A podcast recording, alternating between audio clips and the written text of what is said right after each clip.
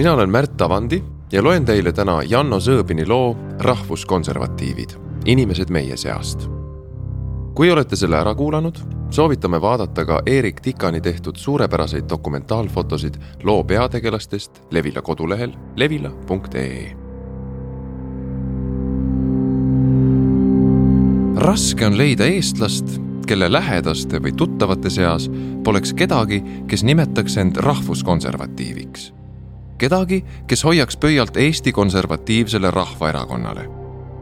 heitlikel aegadel, kahe tuhande kahekümne esimese aasta märtsis ja aprillis, süvenes Levila EKRE toetajate väärtushinnangutesse ja hingeellu. sissejuhatus EKRE, Isamaa ja Keskerakonna valitsuse kukkumisest said eestlased teada kahe tuhande kahekümne esimese aasta kaheteistkümnendal jaanuaril, mil peaminister Jüri Ratas Porto Franco kriminaalasjaga seoses tagasiastumisest teatas. selleks hetkeks olid Eesti Konservatiivse Rahvaerakonna esindajad, vaatamata mitmele jõulisele väljaütlemisele, ministrite vahetumisele ja meedias paisunud skandaalidele, olnud valitsuses aasta ja kaheksa kuud paljude kodanike meelest oli Eesti lõpuks ometi, vähemalt osati, püsinud õigel kursil. EKRE toetajad tundsid esimest korda, et ka nende arvamus loeb, neid võetakse kuulda. pettumus aga osutus suureks, kui kohe pärast valitsuse lagunemist asus Keskerakond moodustama uut koalitsiooni Reformierakonnaga. millekski muuks kui stiilipuhtaks reetmiseks oli EKRE pooldajate arvates seda raske nimetada interneti kõlakodades, muuhulgas EKRE Facebooki lehel kajas rahva hääl. Need kaks erakonda on ju müüdavad, nad müüks oma emad ka maha. ja ongi lõpp niigi nigelalt püsinud Eesti riigile. oleme täielikult teiste meelevalla all. paluks muud plaati kui seitseteist aastat Reformierakonna iket. nüüd siis kaks kõige korruptiivsemat erakonda valitsemas ja rahva raha omastamas. nüüd lööb Reformierakond tööinimesele noa selga sel samal Facebooki lehel tsiteeris üks EKRE toetaja ka Kalevipoja viimaseid värsse. aga ükskord algab aega, kus kõik piirud kahel otsal lausa lähevad lõkendama. lausa tuleleeki lõikab käe kaljukammitsasta. küll siis Kalev jõuab koju oma lastel õnne tooma, Eesti põlve uueks looma. seda, mis peitus Kalevi hinges, oli tulnud kaua vaka all hoida valitsuse vahetusega algas EKRE poliitiline revanš. Keskerakonna suunaliselt kriitika poolt kadusid piirangud. EKRE-st sai taas valitsusele ja koalitsioonile teravalt vastanduv protestipartei. pärast valitsuse vahetust hakkas rahvuskonservatiivide reiting tõusma MTÜ Ühiskonnauuringute Instituudi ja uuringufirma Norstat Eesti aktsiaselts küsitluste andmetel tõusis see neljanda jaanuari neljateistkümne koma kolmelt protsendilt esimesel märtsil üheksateistkümne koma viie protsendini, mis tähendas ühtlasi Keskerakonnast suuremat toetust ja teist positsiooni Reformierakonna järel. Veelgi enam tõusid rahvuskonservatiivid esile pärast Toompeal seitsmendast kaheteistkümnenda aprillini toimunud meeleavaldusi turu-uuringute aktsiaseltsi andmetel kasvas EKRE toetus kuueteistkümnendaks aprilliks koguni kahekümne kolme protsendini. kahekümne esimesel aprillil oli see Ühiskonnauuringute Instituudi ja uuringufirma Norstat Eesti küsitluste järgi siiski kaheksateist koma üheksa protsenti. Martin Helme kinnitas, et EKRE tõusule aitasid kaasa erakonna sõnumid politseiriigist. Neid sõnumeid edastasid jõuliselt nii EKRE uudisteportaal Uued uudised kui Objektiiv mille ajakirjanik Markus Järvi meeleavaldusi otse koha pealt kajastas. kõik need märgid näitavad, et EKRE on rahvaerakond selle sõna otseses tähenduses. on ilmne, et nende valijaid ei saa juba aastaid lahterdada vaid rahvusradikaalideks, äärmuslasteks või teisest rahvusest inimesi mitte sallivateks eestlasteks just viimastel kuudel on rahvuskonservatiivide ja liberaalide vastandusele lisandunud veel üks üha selgemalt eristuv punane joon millest ühel pool asuvad inimesed, kes usuvad valitsuse koroonapoliitikat ja piirangute vajalikkust ning teisel pool need, kes arvavad, et riik kasutab piiranguid oma jõu kehtestamiseks, inimõiguste ja vabaduste piiramiseks. EKRE kui protestipartei potentsiaal noppida nende inimeste hääli ka tulevikus toimuvatel valimistel on märkimisväärne. rahvuskonservatiivide toetajad on inimesed meie endi seast, lasteaiakasvatajad, müüjad, ehitajad, insenerid, teadlased, õpetajad, muusikud ja näitlejad. kõigi allpool sõna saanute arvates on Eesti ühiskond liberaalsusega nüüdseks jõudnud ummikseisu, mida ilma rahvuskonservatiivide tasakaalustava jõuta pole enam võimalik lahendada üleilmastumisele, rahvusriikide hävimisohule, homo- ja sooneutraalsuse propagandale ning Euroopa Liidu käsuliinile julgeb Eestis ainsana vastu astuda Eesti Konservatiivne Rahvaerakond. Levila proovis aru saada, miks ja kuidas inimesed rahvuskonservatiivse maailmavaate omaks võtavad ja mida nad EKRE puhul hindavad. me ei sekkunud liialt intervjueeritavate räägitusse, ei väidelnud ega vaielnud nendega esitasime vaid vajalikke, täpsustavaid küsimusi. ka ei teinud Levila siinse loo peategelaste väljaöeldu kohta faktikontrolli. inimesed rääkisid vabalt enda eest. igaüht neist kõnetab EKRE ka pisut isemoodi.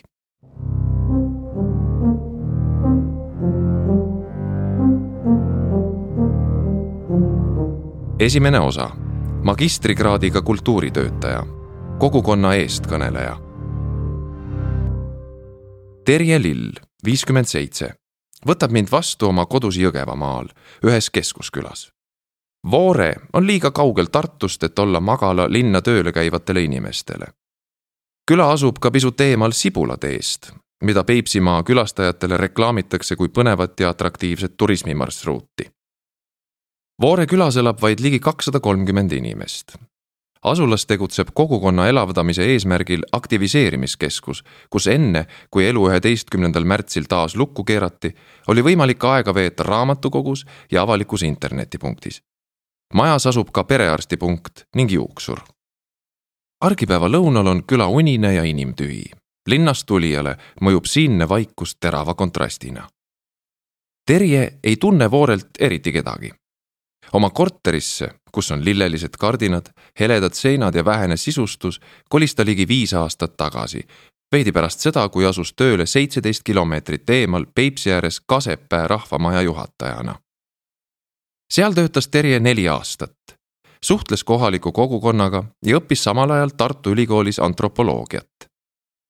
oma magistriprojekti lõppedes kandis ta kurkide kasvatamise Kasepääl Eesti vaimse kultuuripärandi nimistusse rahvamaja tööst Terje loobus, ent elukoht Voorel jäi talle siiski alles.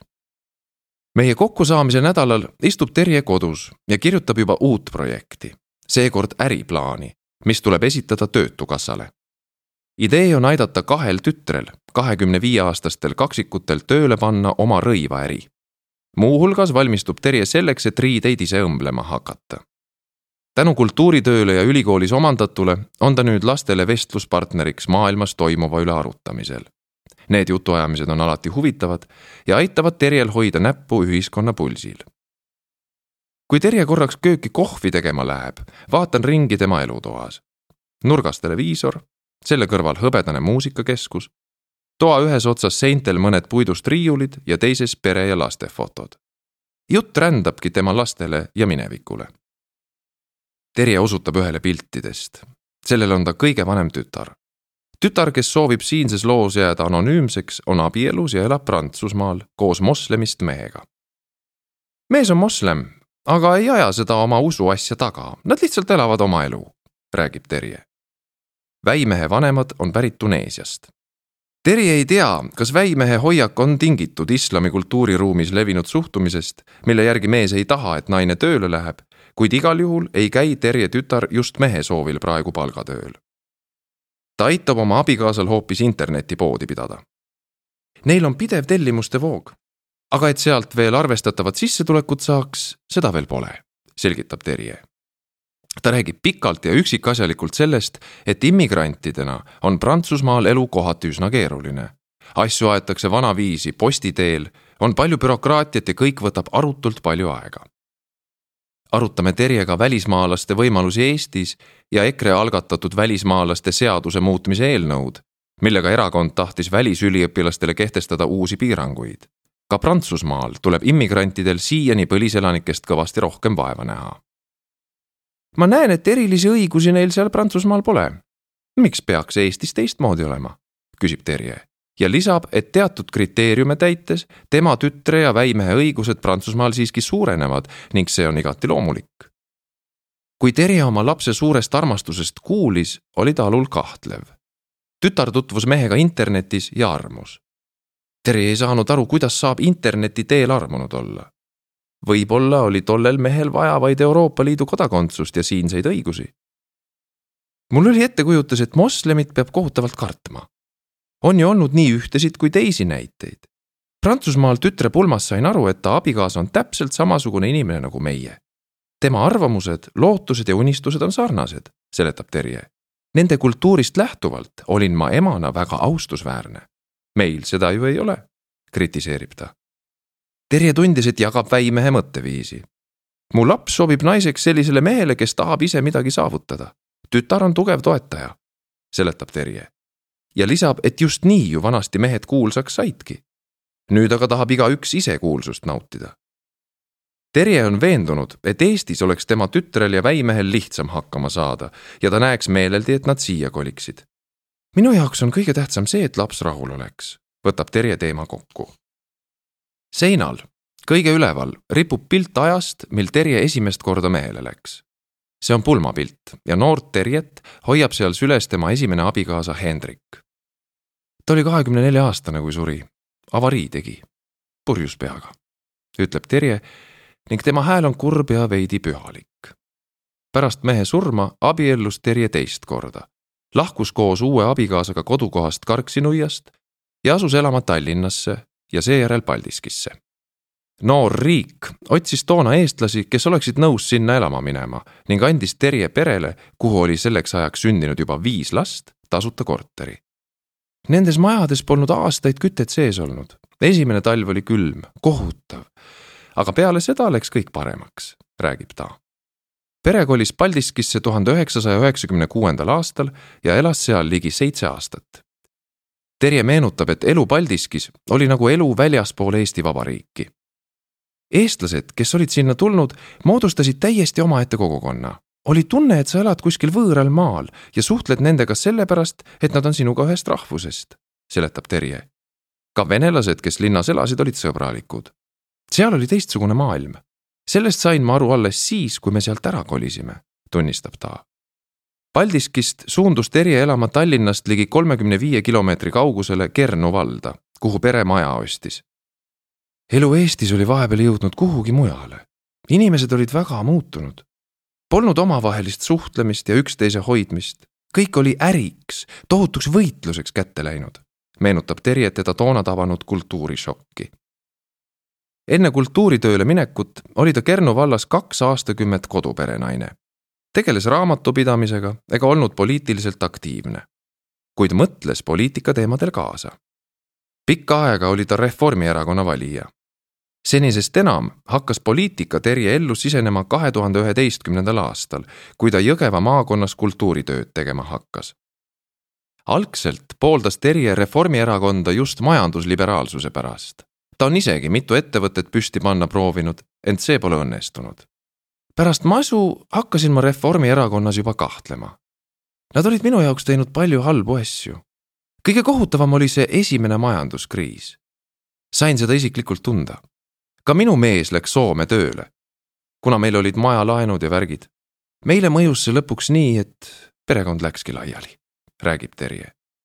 teda vihastas see parema elu otsimise ja majanduspagulaste jutt, mida Reformierakond rääkis. Terjet häiris seegi, et tema minija, kes oli võtnud õppelaenu teadmisega, et ei pea seda hiljem õpetajana tööle asudes tagasi maksma, pidi seda ikkagi tegema kõige selle juures ei olnud ühtegi vabandust. Öeldi, et ise olete süüdi, et hakkama ei saa, torkab Terje. kibedusega meenutab ta, et masu ajal kadus näiteks üks peretoetustest. riik soovitas enne majanduskriisi inimestel laenu võtta ja kui asjad hapuks läksid, ei tuldud appi ja näidati näpuga.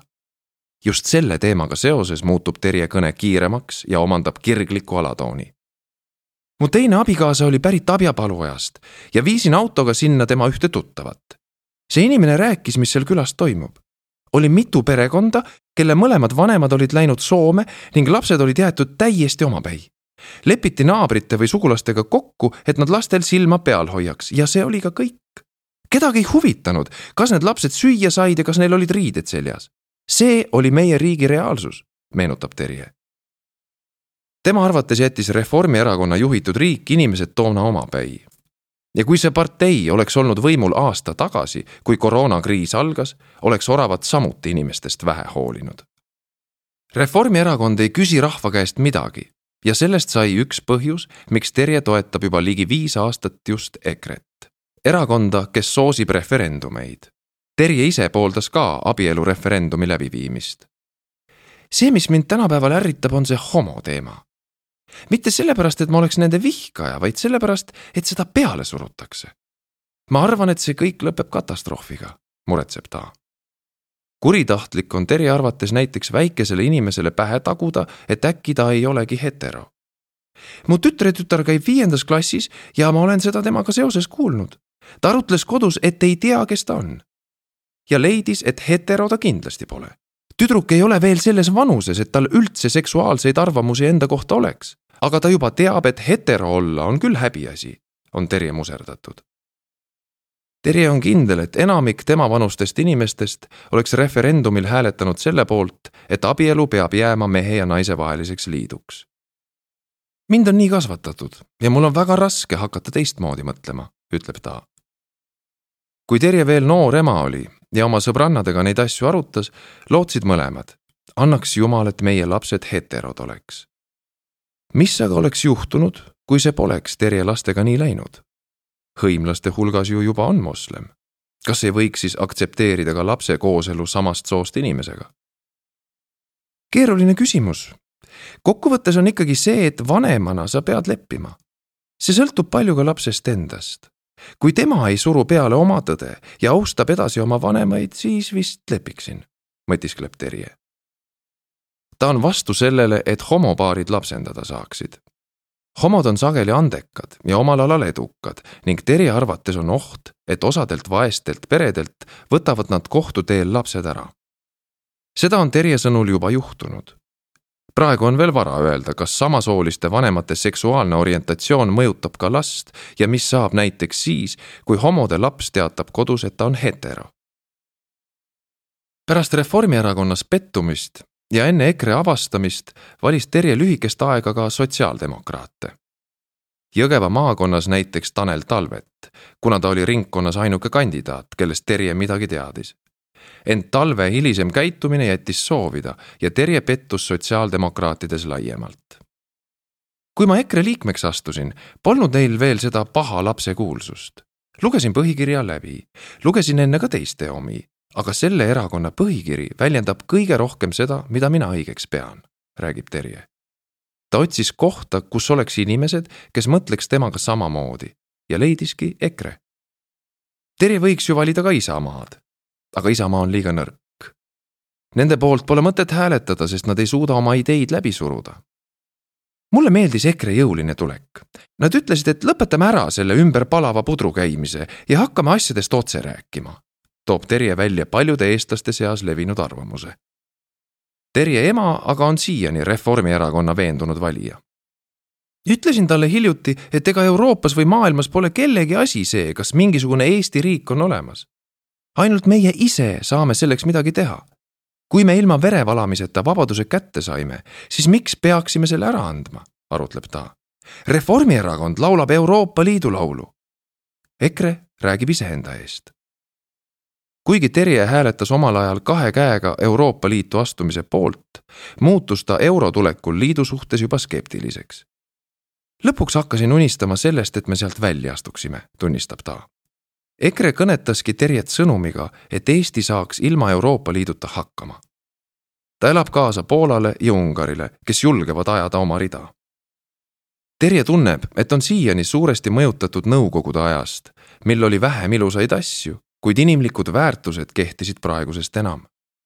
ka lapsepõlv ja noorus olid ilusad. kuid see, mis Terjele tähtis oli, kadus röövkapitalismiga ära meie põlvkonnale räägiti, et oleme harjunud kõike riigilt saama ja ei saa uues olukorras hakkama. võib-olla on läinud nii, et oleme siiski hakkama saanud, aga meie hinges on kibedus, pihib Terje. teda kurvastab, et elu maal välja suri. Eesti põllumajanduse hävitajana näeb Terje süüd Mart Laaril ja sellel, et põllumaid tagastati valimatult ka kõigile neile, kes neid sugugi harida ei tahtnud. valisin EKRE-t, sest nad lubasid elu maal paremaks muuta, ütleb ta. Terje on elu maal jälginud, ent vahepeal on tulnud koroona ning ei saa öelda, et kõik kuidagi paremaks läinud oleks. Läheb veel aega. praegu tuleks soodustada eelkõige seda, et ettevõtted maal jälle jalad alla saaksid. muidugi pole mõtet loota, et igaüks taas lehma pidama hakkab Euroopa tulevikku ei näe Terje helgetes toonides. selleks on Euroopa Föderatsioon, mis on samaväärne Nõukogude Liiduga. Ainus hea, mis sellest tulla saab, on see, et eestlased hakkavad jälle kokku hoidma, märgib ta. Terje on viimasel ajal mõelnud Eesti ühiskonna lõhestumise ja võimaliku julgeolekuohu peale. kui ta mind uksele saatma tuleb, tunnistab ta, et on kuidagi tasapisi aastate jooksul jõudnud selleni, et ei poolda demokraatiat selle praegusel kujul. küsin, mida ta sellega täpselt mõtleb. Terje vastab, et nõustub nende tarkadega, kes ütlevad, et demokraatia ei ole parim ühiskonna valitsemise vorm. demokraatia jätab abivajajad abita. demokraatia eeldab, et kui kõigil on võrdsed võimalused, siis on neil ka võrdsed võimed. aga kui kellelgi pole, siis on see tema oma viga muidugi, kui keegi teaks, mida demokraatia asemele pakkuda, oleks seda juba tehtud, tõdeb ta.